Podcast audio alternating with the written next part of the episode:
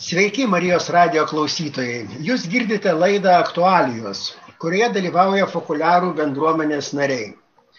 Šioje laidoje kartu su jumis esame kviečiami pažvelgti į moters asmenį ir atsakyti į vieną iš daugelio esminių šių klausimų, dėl kurių daug kyla diskusijų, daug ginčių.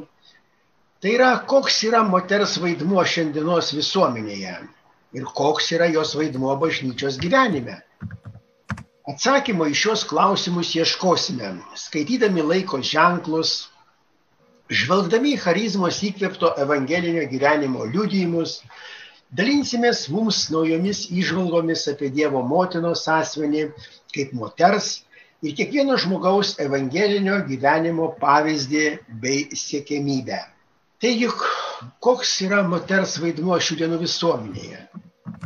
Moteris istorijos bėgyje buvo ir dėja vis dar yra nepakankamai vertinama, dažnai nepageidaujama, ypač svarbiose visuomenės veiklos rytise. Jai nėra suteikiama balso teisė dar kai kur. Ji neturi galimybės bendradarbiauti, priemant svarbius sprendimus. Ir tai tik keli tokie esminiai pavyzdžiai. Svarbu tai, kad žmogaus gyvenimo ir veiklos sferos nėra viena nuo kitos izoliuotos, todėl ir neatsparios įvairiems laikmečio vėjams. Tad nepakankamas moters genijaus pripažinimas visuomenėje vis labiau skverbėsi ir į bažnyčios gyvenimą. O ši tendencija nėra trumpalaikė ir paviršutiniška. Ji turi giles žmogiškosios tapatybės šaknis. 20 amžiaus antros pusės moterų feminiščių sąjūdis ir jų kova už lygias teisės su vyrais nuvilnijo kaip laiko ženklas, palėtęs visas žmogaus gyvenimo sritis. Tuo pačiu ir bažnyčia, kurios dokumentuose ši problema buvo iškelta kaip nepakankamas moters genijaus pripažinimas bei integravimas į visuomeninį ir bažnyčios gyvenimą tai yra įvardintas kaip trūkumas, dėl kurio nukenčia tiek bendruomenės gyvenimas, tiek bažnyčios liudijimas. O tai labai rimta pastaba ir iššūkis bažnyčiai kaip tikinčiųjų bendruomeniai, kuris vienas iš pašaukimų būti bendrystės namais ir mokykla. Dabar šiek tiek istorijos. Senajame testamente moteris yra parodoma kaip sutoktinė ir motina. Jai patikėtas rūpinimasis namais ir jaunomis atžalomis. Nors oficialiai moteris buvo laikoma tik vyro pošmena, ji visgi turėjo šiokių tokių teisių. Moteris žinoma negalėjo atlikti kulto tarnystės, visgi istorijos bėgyje Izraelio tauta iššūkdė didžių moterų, tokių kaip Rūta, Debora, Judita, Estera, Hulda ir kitos. Vėliau moters figūra pamažu prarado pirmykštę svarbą, o pamaldaus Izraelito kasdieninėje maldoje buvo sakoma, būk pagarbintas mūsų Dieve, kad negimiau nei pagonių, nei moterimi, nei neišmanėlių. O moteris savo ruoštų melzdavosi, garbė tau viešpadė, kad sukūrė mane pagal savo valią. Naujajame testamente Jėzaus požiūris į moterį radikaliai kitoks. Nepaisydamas rabinų mokymo, jis kalbasi su svetimautojomis, jas gina, su moterimis Jėzus kalbasi giliomis dvasinėmis temomis, pripažįsta vyro ir moters lygias teisės, nesisako to net santokos klausimais, giria moteris už jų tikėjimą, moteris pirmos tampa jo prisikelimo liudininkėmis. Pirmaisiais krikščionybės amžiais moteris yra lygiai teisės Kristaus mokinės, nes visus vyrus ir moterus sieja vienas krikštas ir viena dvasia. Moteris visada aktyviai veikia kartu su vyrais. Tokių moterų netrūko visais bažnyčios amžiais.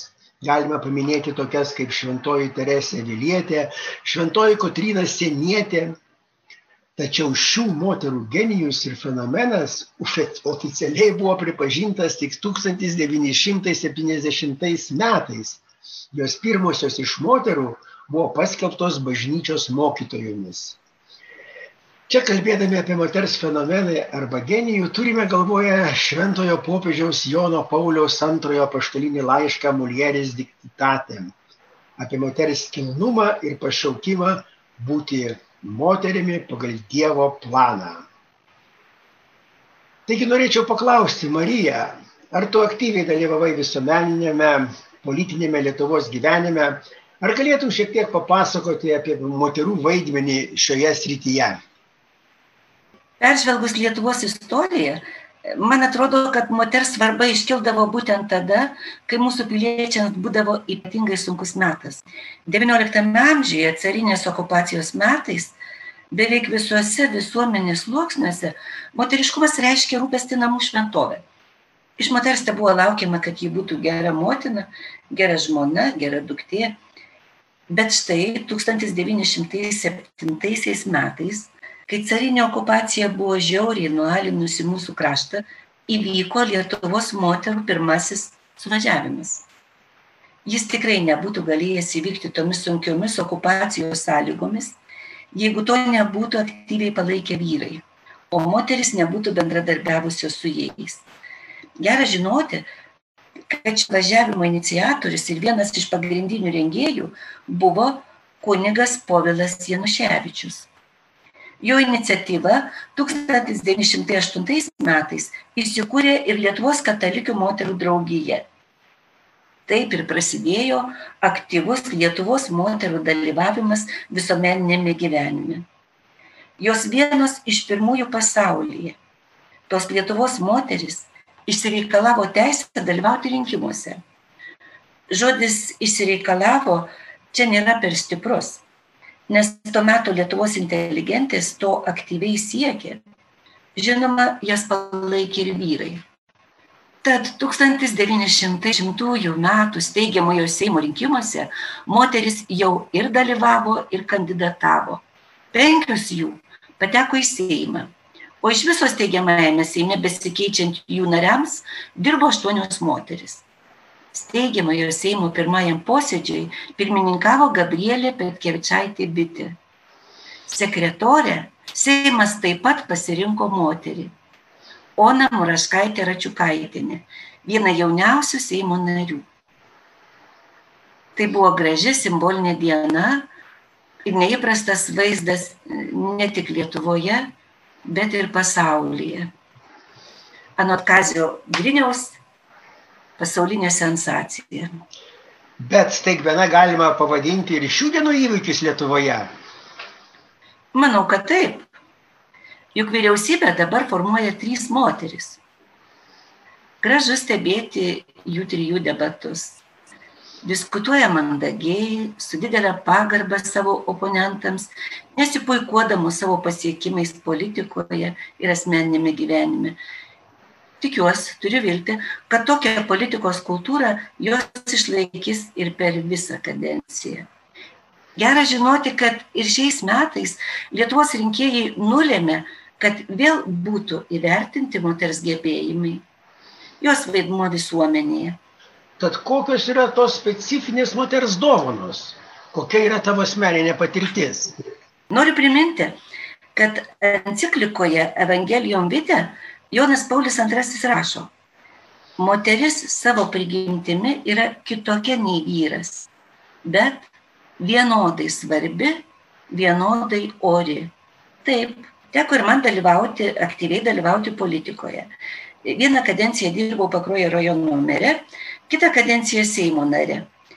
Atsakydama į tavo Paulio klausimą, savo asmeninę patirtimį galiu patvirtinti, jog išrinkta mere pirmiausia jaučiau kitų lūkestį, kad man pavyktų sutelkti produktyviam darbui labai priešiškas rajono tarybos politinės jėgas.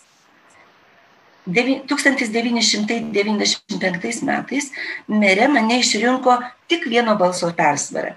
Taigi likę Lietuvos demokratinės darbo partijos nariai buvo stiprus ir patirtimi politikoje, ir savo skaičiumi taryboje.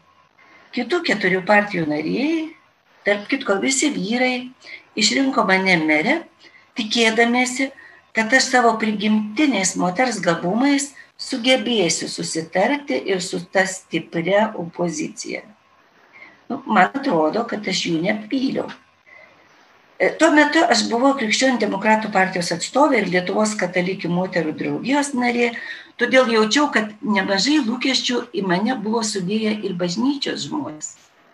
Žinoma, e, jie nesitikėjo, kad aš iš karto padėsiu atseikyti jiems lėšų iš savivaldybės biudžeto, bet tikėjosi, kad būsiu krikščioniškos meilės artimui vertybės parodančių ženklų. E, žinom, kad sovietmečių visi politbiurai būdavo sudaryti vieni iš vyrų. Iki 95 metų Pakruojo rajono valdžioje irgi buvo tik vyrai. Gal todėl, kai tapau mere, beveik visi žurnalistai, išnekindami mane, jausdavo pareigą paklausti, kodėl moteris eina į politiką.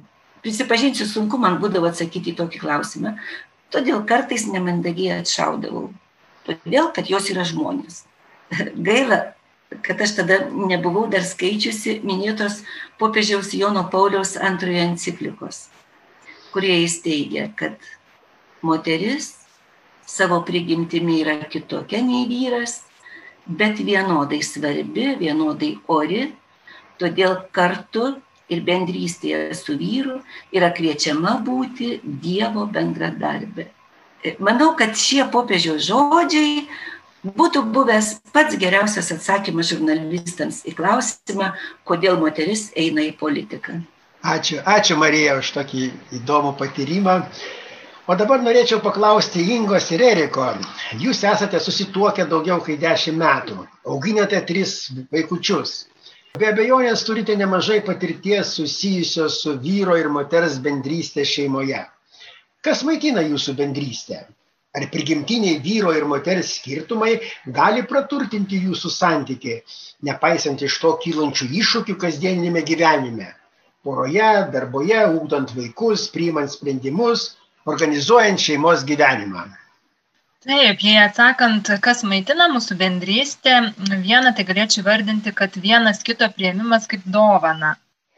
Antra, tai populiarų bendruomenėje išgirsta frazė, kad skirtybės tai nėra minusai, o būtent galimybės vienas kitą praturtinti. Žinoma, iššūkiai yra neišvengiami, nes pradžioje net tas reiškia žmogiškasis ego, kas skatina kito tą kitoniškumą matyti kaip minusus, kurie būtent ir kelia erzulį. Tačiau ko tai reikia, tai būtent žvelgti tomis naujomis akimis ir būtent su atvira širdimi. O tai leidžia pastebėti galimybės, o ne būtent tuos blokus. Prisimenu, kad e, kažkur po septynių metų mūsų bendros santokos man buvo toks gan sunkus laikotarpis, jausmas, kad su Eriku esame nu, tikrai tokie skirtingi, kad esu nesuprasta. Prisimenu, meldžiausi ir maldoje pajutau, kad Dievas juk man linki tik gero ir dovanodamas man Eriką norėjo, kad aš būčiau laiminga, būtent laiminga. E, tai aš savo būtent tokių šiaurių, e, siaurių požiūrių neleidžiu pamatyti to spindesio, kuris gali ir mane pripildyti tai leido vėl pažvelgti naujomis akimis į savo vyrą ir būti atvirai Dievo dovanai, kas būtent leido mums dar labiau sustiprinti tarpusavio ryšį, net ir esant iš ties, kaip ir manau daugelis porų, būtent skirtingiems. Ir galvojant apie skirtybės, taip jos yra ir prigimtinės, kaip vyro ir moters, bet taip pat ir asmeniškos, padiktuotos charakterio, gyvenimiškos patirties, būtent tėvų auklėjimo, Jeigu iš tokių konkretesnių prisiminimų, tai e, prisimenu, kaip pažinties su Eriku pradžioje e, tiesiog erzino daug įvairiausių m, mm, tokių bruožų. Vienas iš jų tai Eriko estetiškumas, skrupulingumas, gal toks tikslingumas, pavyzdžiui, ruošiant kažkokią rašto darbą ar pakuojant, tarkim, dovanas, kažką braižant, lankstant, na, toks jo kropštumas aš esu labiau galbūt chaotiška ir pradžioje labai sunkiai priimdavau tokį jo tikslingumą, man atrodydavo, kad jis tiesiog gaišta laiką. E, tačiau būtent laikui bėgant per bendras veiklas e, pagavau save, kad imu iš tie žavėti šio jo bruožų ir, ir imu trokštų pati, kad tai turėčiau. Pažvelgiau visai kitomis akimis, kas leido ir man mane praturtinti save šioje srityje ir dabar tikrai galiu dėkoti jam už tai, kad jis turi šį bruožą ir mane juo turti.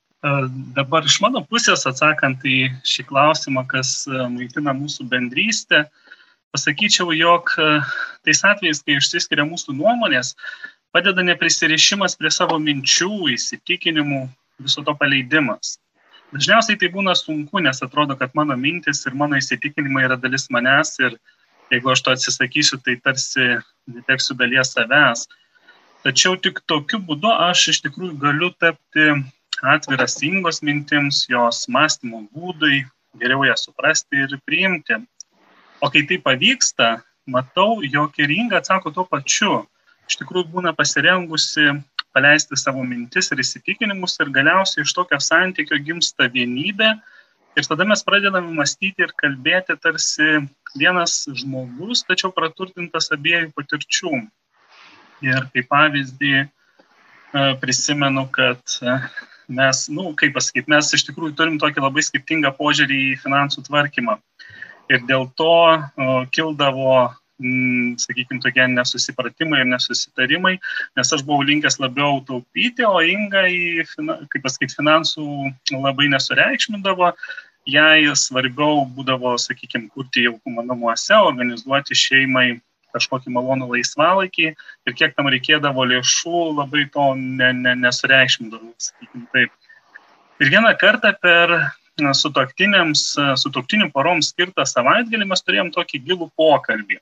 Tas pokalbis turėjo taisyklės, kad kai vienas kalba, kitas tiesiog atidžiai klauso, nepertraukinėja ir tik siekia išgirsti ir suprasti, ką kitas sako, be jokio, be jokio vertinimo sutinka ar ne ir panašiai.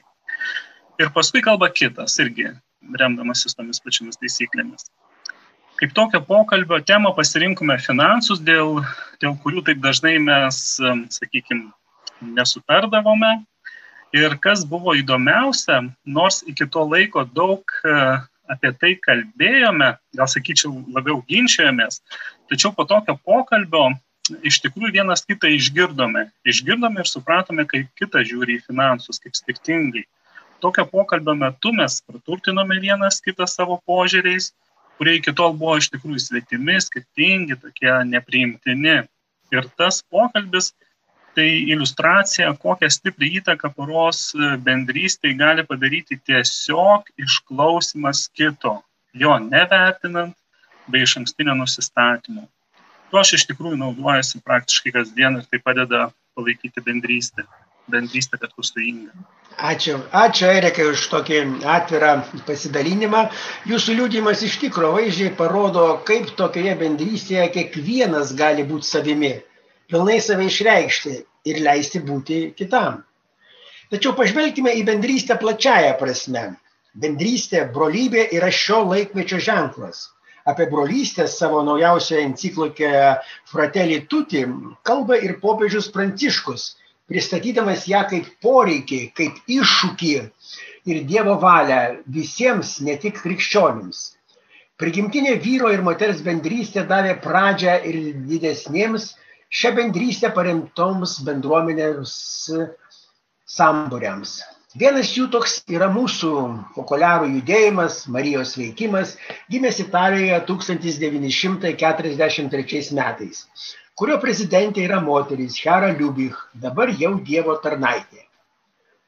Pat malonu, būtų įdomu išgirsti, Erika, iš tavęs, ar moteris prezidentė nėra aluzija į moterišką charizmą.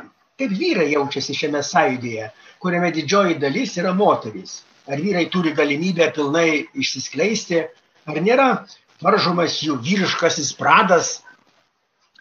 Na, mūsų bendruomenės atveju charizma parodė ryškų, vienodai svarbių tarpusavėje vienybės dvasios siejamų moterų ir vyrų bendrystės pavyzdį.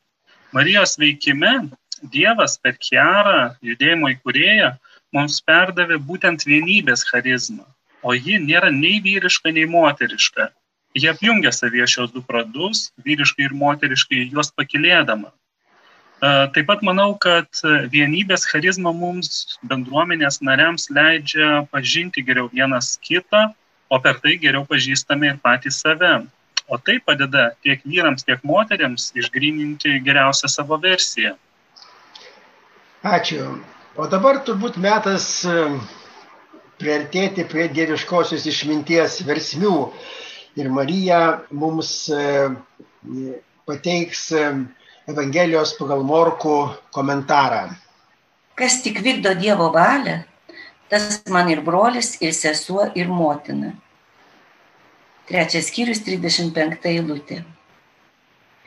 Hera, rašydamas šį komentarą, teigia, šiais žodžiais Jėzus atskleidžia, kas yra jo tikrieji giminės.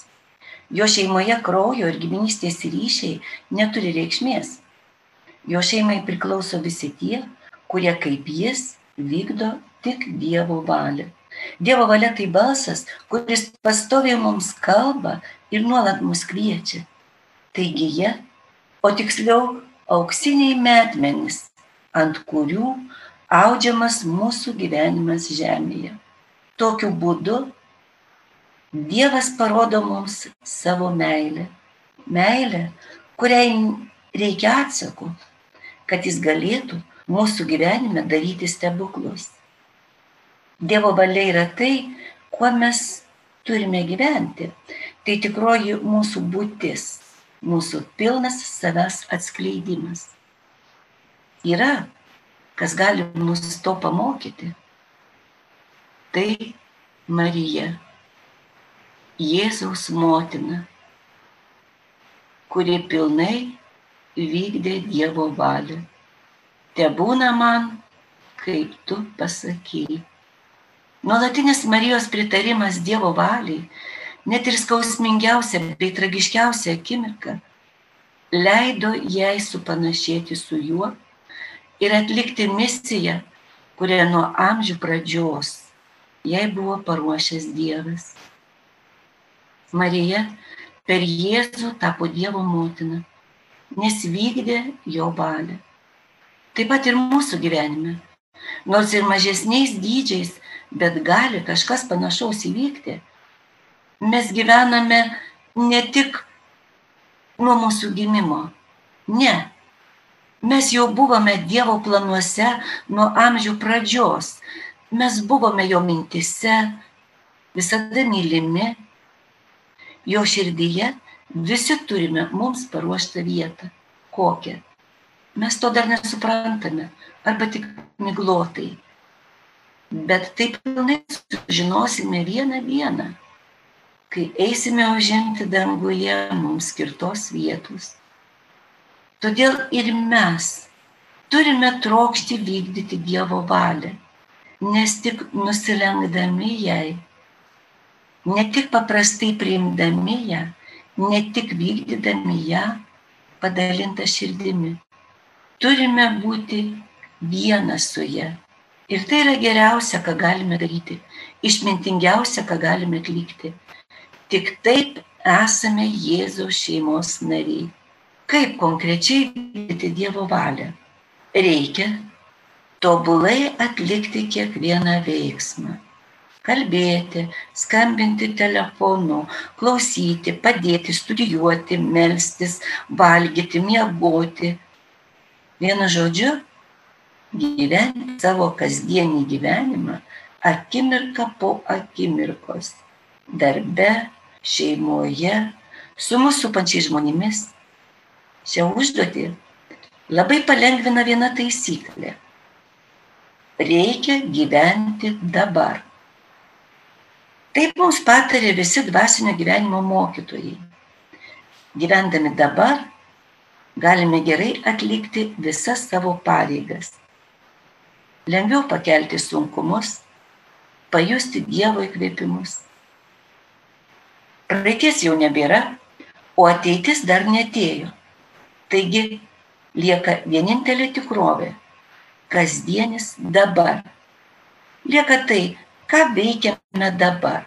Todėl viena akimirka yra vertinga, nes tai vienintelis laikas, kurį turime savo žinioje.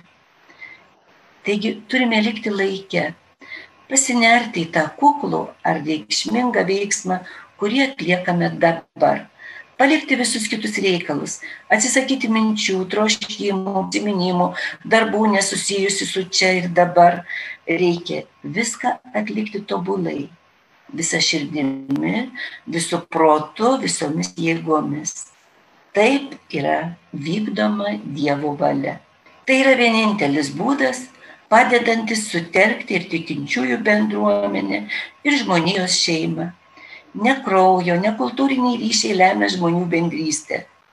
Visi, po kokiu dangumi begyventų, tik vykdydami Dievo valią, ir paklusdami jo įrašytam įstatymui širdyje yra mūsų šeimos nariai. Ir brolis, ir sesuo, ir motina.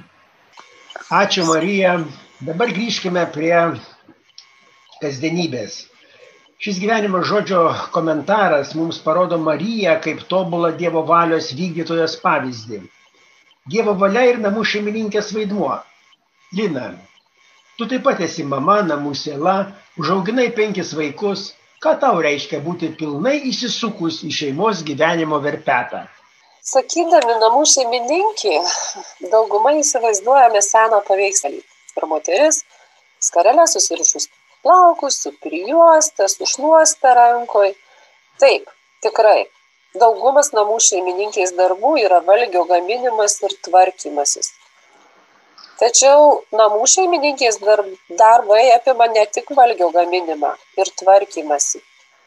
Namų šeimininkė yra ir ekonomistė, ir buhalterė, ir slaugytoja, ir pedagogė, ir psichologė, ir darbų ir laisvalaikio organizatorė, vadybininkė, namų ir drabužių dizainerė.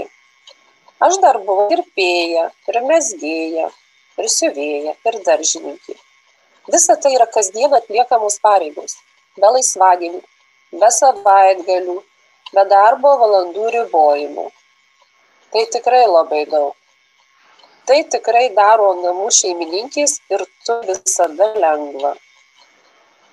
Tačiau yra svarbus tik vienas dalykas - kaip tai darysi, kodėl tai darysi. Jeigu tai bus pareiga, tada bus labai sunku. Bet jeigu tai darai mylėdamas tuos, dėl kurių visą tai darai, tada jausi džiaugsmą. Net jeigu vakare į lovą ne atsigulsi, bet įgriūsi. Jeigu myli tuos žmonės, dėl kurių visą tai darai, stengsiesi daryti kuo geriau, šviesiesi, tobulėsi. Mes, moterys, esame apdovanotos jautrumu, gebėjimu ir noru įsiklausyti noru padėti ir atjausti.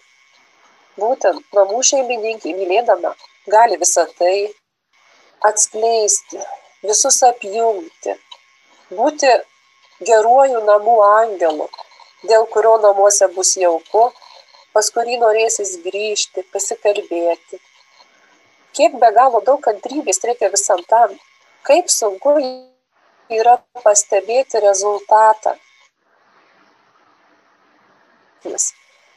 už bet kokią karjerą.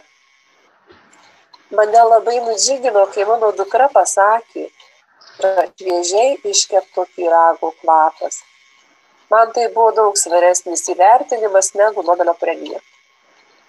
Ir aš labai džiaugiuosi, kad visa istorija pilna pavyzdžių, kai už didžių vyrų, nebūtinai labai matomus, ir yra nuostabios moterys namų šeimininkės. Ačiū, ačiū Lina.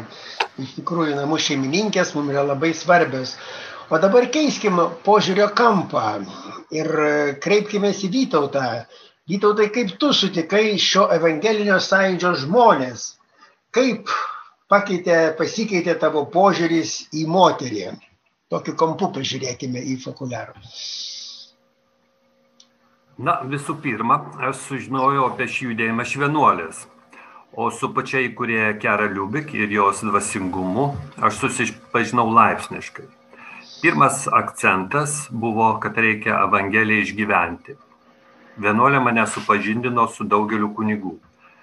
Nes vokuliarai iš Vokietijos ir Čekoslovakijos atvažiuodavo retai, gal du kartus per metus. Kunigai man padėjo suprasti dvasinio gyvenimo svarbą bet evangelijos žavesį supratau iš fokuliarų. Jie žymiai mažiau kalbėjo, bet akivaizdžiai stengiasi gyventi Evangeliją ir po to pasakojo, kaip jiems sekėsi. E, skaitydavome tai, apie ką kalbėjo Jėzus. Dievas yra meilė, Dievas myli visus ir pirmas pradeda mylėti. Tai, ką padarėte šitiem mažiausiam mano broliam, padarėte man. Taigi kiekviename žmoguje išvelgti Jėzų ir jį taip mylėti, kaip tai darytų Jėzus. Šia prasme, tai nei vyras, nei moteris. Žinoma, kad kiekvienas asmo yra unikalus, kitoks ir reikalauja specifinės meilės, bet tai supratau tik vėliau, palaipsniui ir per klaidas.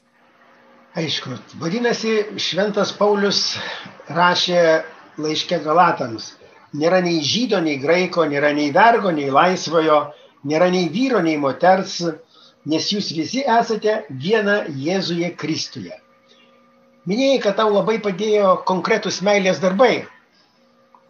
Taip, gal ir sovietinė ideologija mane atgrasė nuo teorijų ir pamokslų, bet matyti Jėzų artimame, tapti vieną su kitu, tai nebuvo lengva, bet įkvėpdavo. Kalbant apie šią meilę, galima būtų išskirti dvi dalis - asketinę ir mistinę. Asketinė tai, kai tu turi išeiti iš savęs, užmiršti save iš meilės artimui. Ši dalis yra žmogiškoji, priklauso nuo tavęs. Tuo tarpu mistinė dalis tai jau Dievo veikimas. Kai tu giliai klausaisi brolio be vertinimo jo minties arba gerų patarimų siūlymo, tada brolis išlaisvėja ir dažnai pajunta meilę tau. Realiai tai abu pasijuntame lyg būtume Dieve. Viskas, ką sako kitas, atrodo amžiaus atradimas ir atvirkščiai. Matome šviesą ir jaučiame džiaugsmą. Ir galime suprasti apaštalus ant taboro kalno, kai jie sakė, pastatykime čia tris palapines. Arba du mokinius, kurie po Jėzaus nukryžiavimo grįžinėjo į Emausą ir kaip jie jautėsi, kai prie jų prisijungė trečias. Jie pajuto ypatingą džiaugsmą tu sakai, reikia matyti Jėzaus asmenį žmoguje, bet tai ne visada taip paprasta. Ypač kai tas kitas tau jaučia priešiškumą, yra tau nesimpatiškas ar kartais net bjaurus.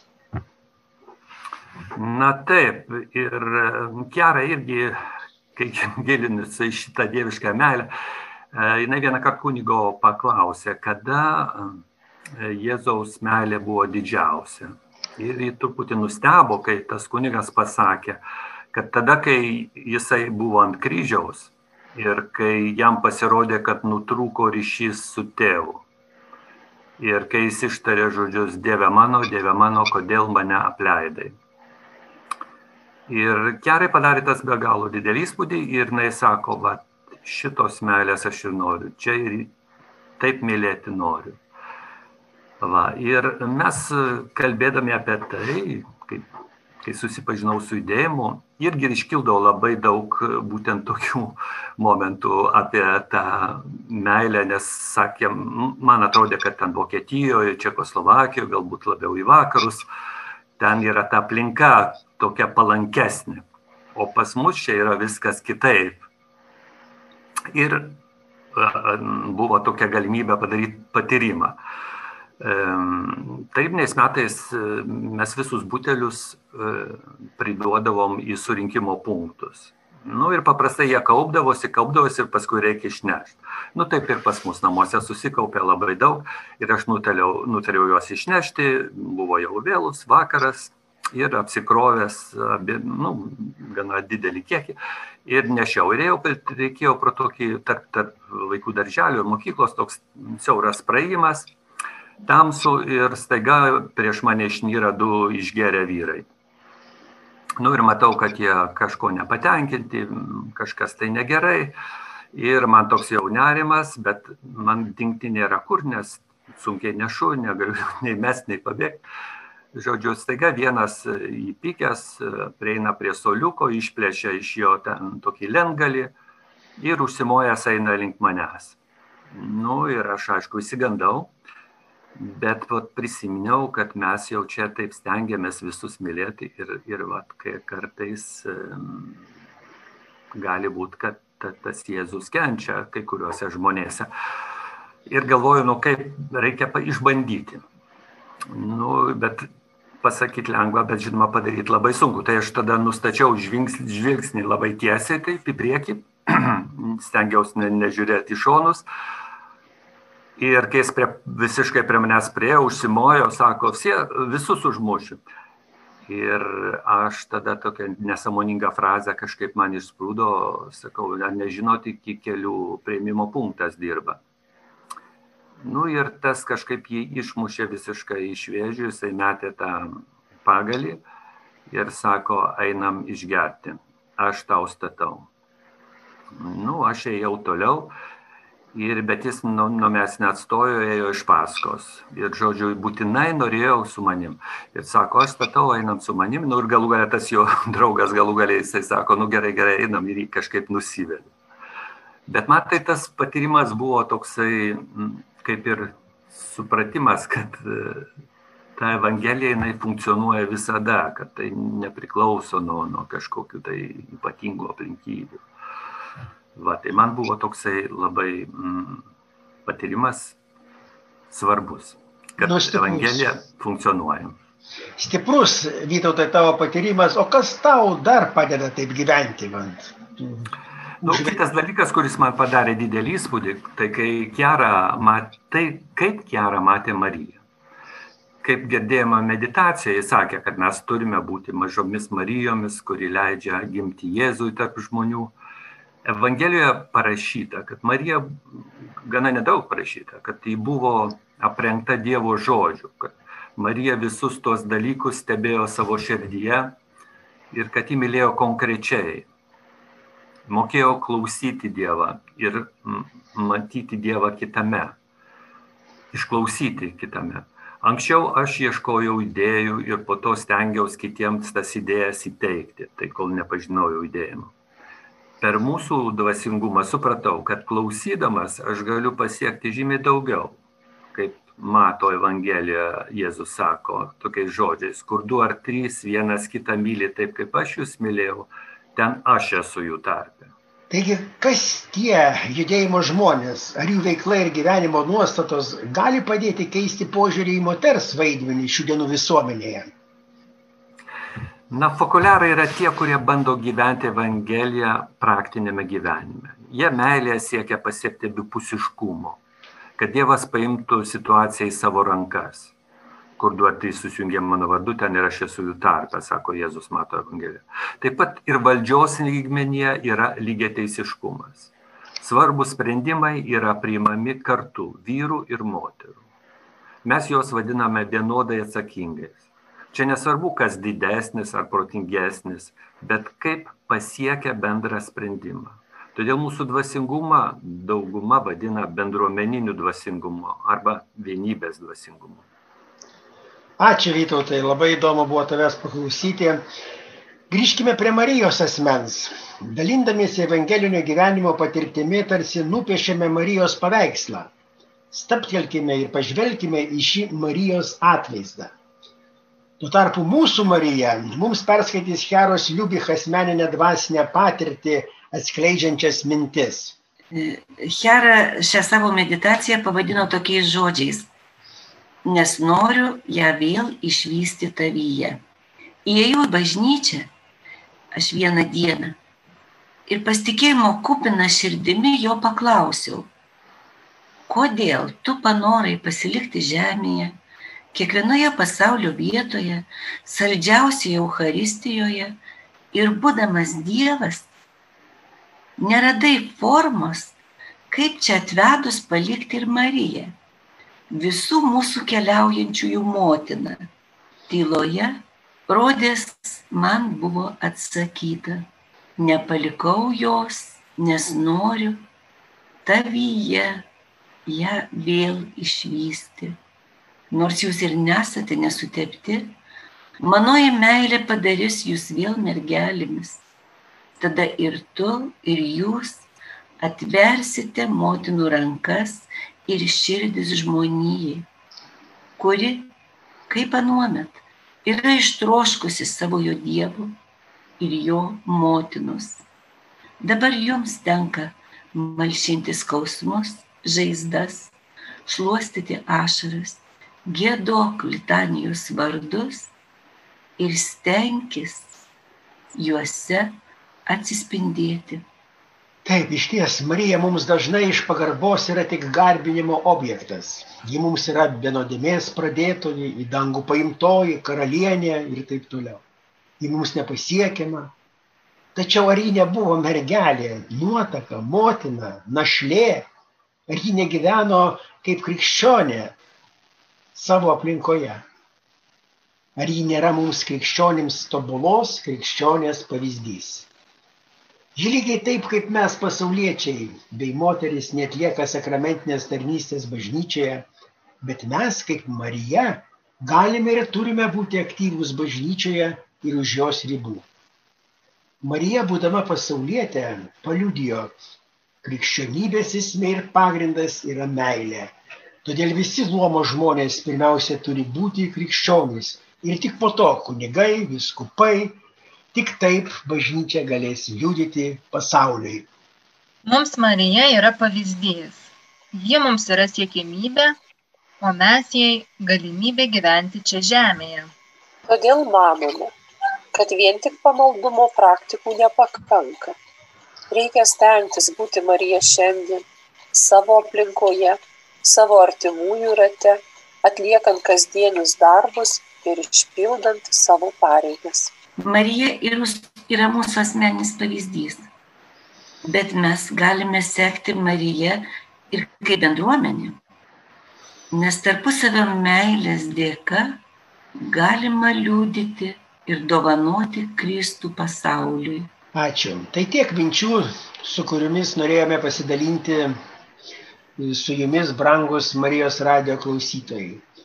Dėkodami už mums skirtą laiką, už bendrystę, ir linkime atradimų bei malonių staigmenų dvasinėje jūsų kelionėje, kurioje jūs tikrai sutiksite puikių moterų. Aktualių laidoje viešėjo fokuliarų bendruomenės nariai. Su Dievu.